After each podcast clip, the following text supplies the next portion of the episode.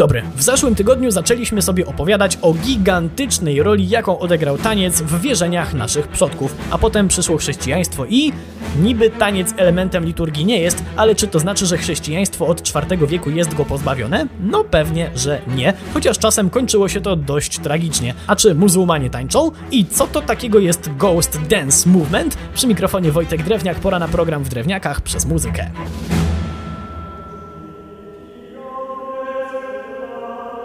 Zacznijmy od tego tańca w chrześcijaństwie, bo to chyba najbardziej banalne. Może i nie jest to element liturgii, ale wystarczy zobaczyć, jak cześć Maryi oddaje się w niektórych rejonach Hiszpanii, żeby przekonać się, że taniec ma się dobrze i nie ma w nim nic złego. Chociaż okej, okay, nie zawsze, bo podłoże religijne miały też tak zwane epidemie taneczne, które miały miejsce w średniowiecznej Europie. Generalnie to jest rzecz tak niesamowita, że aż ciężko w to uwierzyć, ale od początku. Zaczęło się w XIII wieku. Bezpośrednią przyczyną była tak zwana choroba taneczna taka forma padaczki wywołana spożyciem chleba zatrutego sporyszem, takim grzybem. I wtedy ktoś uznał, że najlepszym sposobem na wyleczenie się jest pielgrzymka taneczna, a zatem chorzy szli i tańcowali, a często dołączali do nich zdrowi bliscy. Jaki był efekt? No dość tragiczny, bo ludzie święcie przekonani, że to na bank zadziała tylko potrzeba czasu, szli i tańczyli, szli i tańczyli, szli i tak dalej, aż umarli. Z wycieńczenia zazwyczaj.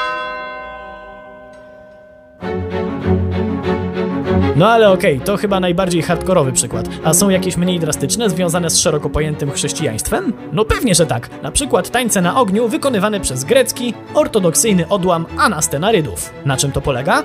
Na tym, że trzymając święte ikony, ludzie tańczą na rozżarzonych węglach. To zresztą nie przypadek, że owa impreza ma miejsce właśnie tam, bo ów obrzęd jest tylko odrobinę schrystianizowanym obrzędem starogreckim.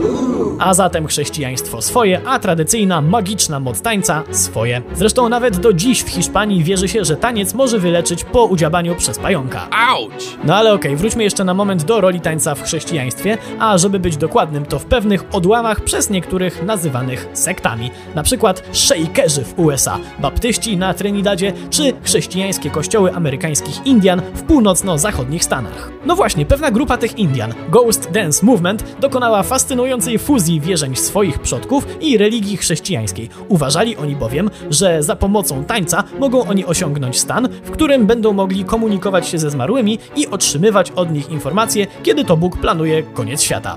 To oczywiście nie koniec, bo jest jeszcze tak zwany Alleluja Movement. Członkowie tego odłamu są święcie przekonani, że taniec jest jedyną drogą do otrzymania instrukcji, jak odnaleźć wspaniałą krainę, w której nie istnieje zło i śmierć. Bardzo się cieszę, że do tego ruchu nie należę, bo z moimi umiejętnościami tanecznymi w życiu bym tej wspaniałej krainy pewnie nie odnalazł.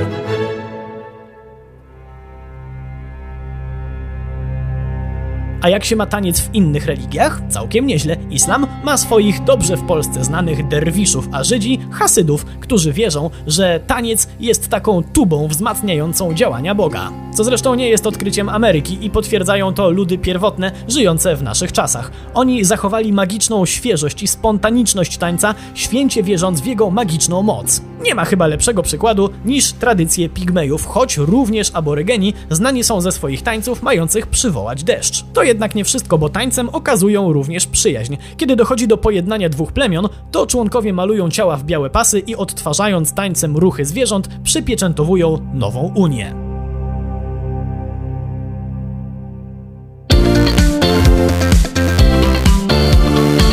Niesamowite jest również to, jak wiele magicznych elementów z pradawnych układów tanecznych przetrwało do dziś, bo teraz też idealną i najpopularniejszą formą tańca jest taniec w kole. Kiedyś wokół na przykład totemu, a dziś choćby wokół młodej pary. Inną formą jest rozerwanie tego koła i wtedy jeden ze skrajnych tancerzy staje się liderem tańczącej procesji, prowadząc innych. Gdzie? To już zależy od wiary, pozostając przy współczesnym, weselnym przykładzie, byle nie do Warszawy.